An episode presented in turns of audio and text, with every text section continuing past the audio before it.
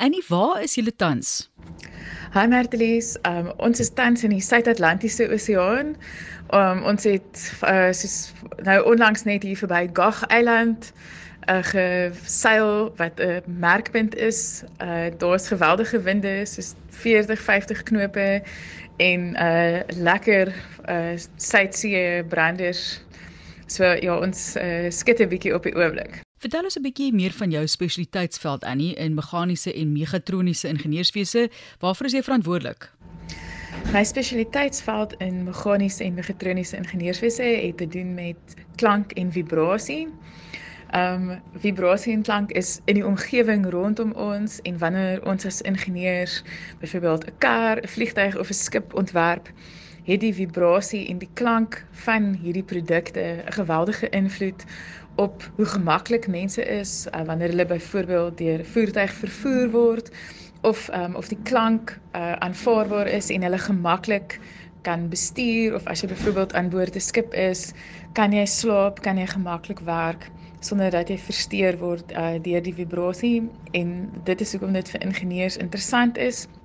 Daar's ook uh, dinamiese effekte uh, wanneer 'n uh, ontwerp byvoorbeeld onder sekere omstandighede heeltemal uitmekaar uit kan skit en dan kan breek.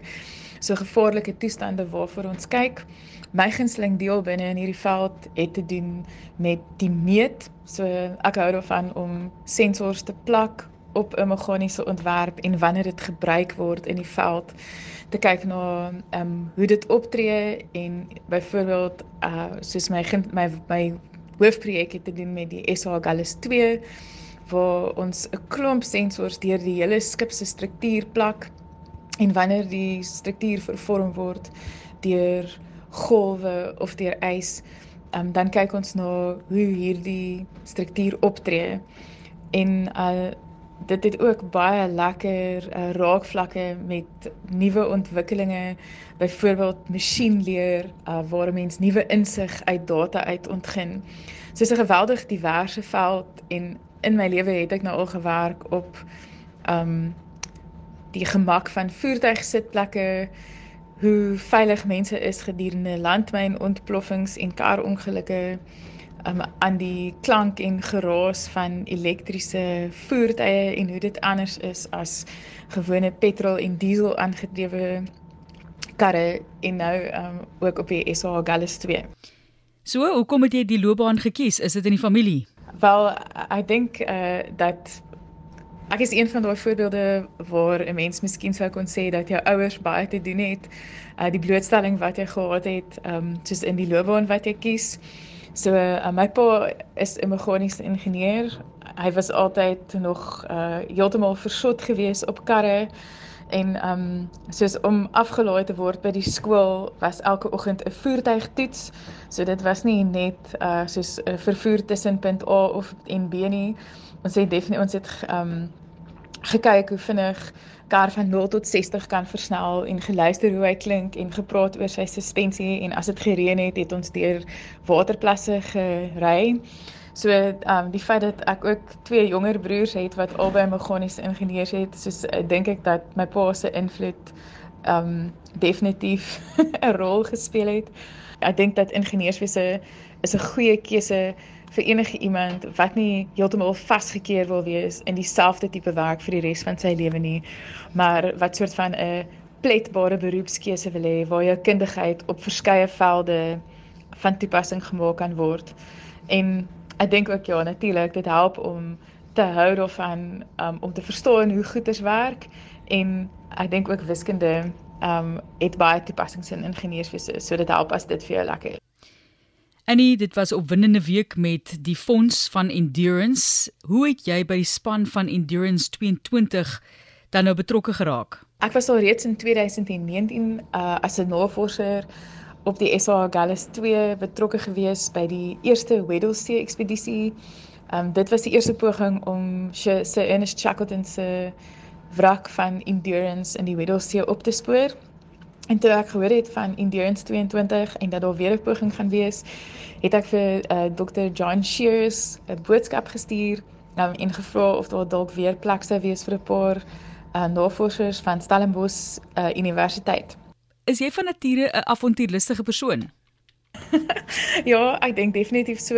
Um van dit ek kan onthou, um was ek baie lief gewees uh vir perdry en soos wat my blootstelling um aan Stellenbosch Universiteit um meer en meer geraak het, het ek regtig waar verlief geraak op die berge. Um ek dink ek klim nou een keer 'n week 'n berg en um ek hou baie baie van trail running as 'n sport en ja, dit is definitief vir my um iets wat my buitentoe lok as ons op die suidsee in die middel van 'n storm in geweldige wind is en ook um, op die ys. Ek moet sê dit is onverwags koud op see-ys. Maar ehm um, ja, ek dink dat die kragte in die natuur en om myself so naby as moontlik daarin te sit vir my ehm um, oneindige fascinasie inhou. Is daar spesifieke navorsing waarby jy tans betrokke is, Annie? Die spesifieke navorsing waarby ek tans betrokke is, het baie gedoen, te doen met digitale tweelinge. So, ehm um, as 'n mens byvoorbeeld dink, kom ons gebruik weer die voorbeeld van die SA Gallus 2 skip. Hierdie skip um, is ontwerp uh 10 jaar gelede en daar is klomp modelle ontwikkel om te bepaal of hierdie skip sterk genoeg is met hoeveel weerstand hy deur die water kan vaar. En dan um, wanneer die skip afgelewer word, neem mens 'n klomp metings. So jy plak sensors op en dan besluit jy, okay, hierdie skip het hierdie spesifikasie gehaal, ja of nee. Maar in toekomstige ingenieurswese is daar geleenthede om hierdie modelle en metings nog steeds te gebruik wanneer iets is 'n skip nog steeds in operasie is. Byvoorbeeld, ehm um, as jy 'n meting het, sê jy dit kon gebruik as 'n inset vir 'n model. So jy gebruik weer dieselfde modelle wat um, ontwikkel is wanneer die skip ontwerp is. So en dan kan jy uitwerk um in operasie byvoorbeeld wat is die laste wat op die skip um uitgeoefen word en is hierdie laste binne in die operasionele bereik van die skip.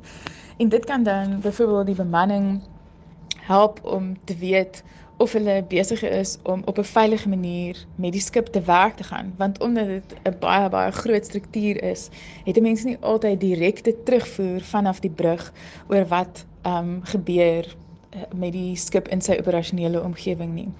So hierdie tipe van idee waar jy 'n digitale voorstelling het van 'n ware voorwerp of 'n ware produk en dit dan gebruik om die digitale voorstelling gebruik om dan vir mense meer insig te gee wanneer hulle in operasie is is 'n baie interessante nuwe veld van ingenieurswese. En die tegnologie per se is nie regtig nuut nie, maar die manier waarmee um alles deesdae in verbinding is en die geweldig baie data wat beskikbaar is, maak net soort van dat tegnologie is ryp en baie mense het toegang daartoe en dit skep dan die potensiaal dat digitale dienste wat gelewer word deur goed soos digitale tweelinge meer toeganklik is vir Jan en alle man en elke besigheid daar buite. So ek hoop om in die volgende 10 jaar of so myself toe te spits hierop en die fascinerende veld van dataprosesering en vibrasie verder in hierdie konteks uit te bou. Soos jy genoem het Annie, jy gee ook klas. Ek gee elke jaar klas uh, vir die 3de jaar ehm um, meganiese en mechatroniese ingenieurs. Dit is 'n klas wat so rondom 200 studente wissel en die vakonderwerp is uh, vibrasie en geraas. So uh, dit het te doen met hoe vibrasie en geraas elke dag ons in ons omgewings beïnvloed. Ons praat ook oor die wiskundige modelle wat kan gebruik word om vibrasie beter te verstaan en om dit voor te stel. En um, ons het ook vier praktiese sessies uh, waar studente kans kry om regtig waar hulle hande vuil te maak en um vibrasie te meet en klank te meet en dit fisies te analiseer. Um wat ek baie hou van hierdie vak is dat daar's um verskriklike mooi demonstrasies wat 'n mens kan lewer wat baie fascinerend is en ek dink dit is gelukkig nie 'n baie vervelige vak nie. Wanneer is julle weer terug op Suid-Afrikaanse bodem? Op die oomblik is ons tyd van aankoms omtrent so net na middernag of in die vroegoggendure um van Sondagoggend 20 Maart um wat ons hoop om Tafelberg weer te sien. En um wanneer mense in die hawe inkom, is daar 'n spesiale loods wat gebring word om die skip veilig deur Kaapstad se hawepoort te bring en dan gaan ons na uh, douane toe waar ons paspoorte gestempel moet word en dan so 2 ure later um hoop ons om daar voor die departement van omgewingsake se kantore met die skip te stop in die waterfront en hopelik dan weer in die arms van ons families in te hardloop iets waarna ek baie uitsien. Um ja, dit is en nogals die enigste nadeel van hierdie ekspedisie is om weg te wees van my man af en my drie kinders. Bertie en Lena is 'n seentjie dogtertjie tweeling en hulle is nou 6 jaar oud en Aard my oudste seentjie is 9 jaar en ek moet sê my hart het aktief gepyn vir hulle. Maar ek dink die manier is maar net jy moet jouself besig hou met positiewe goed en die tyd weg dan so produktief as moontlik probeer gebruik en dit regtig probeer laat tel tot voordeel van jou werk en navorsing en persoonlike ervaring. Um sodat jy hierdie tyd regtig vir maksimaal kan benut.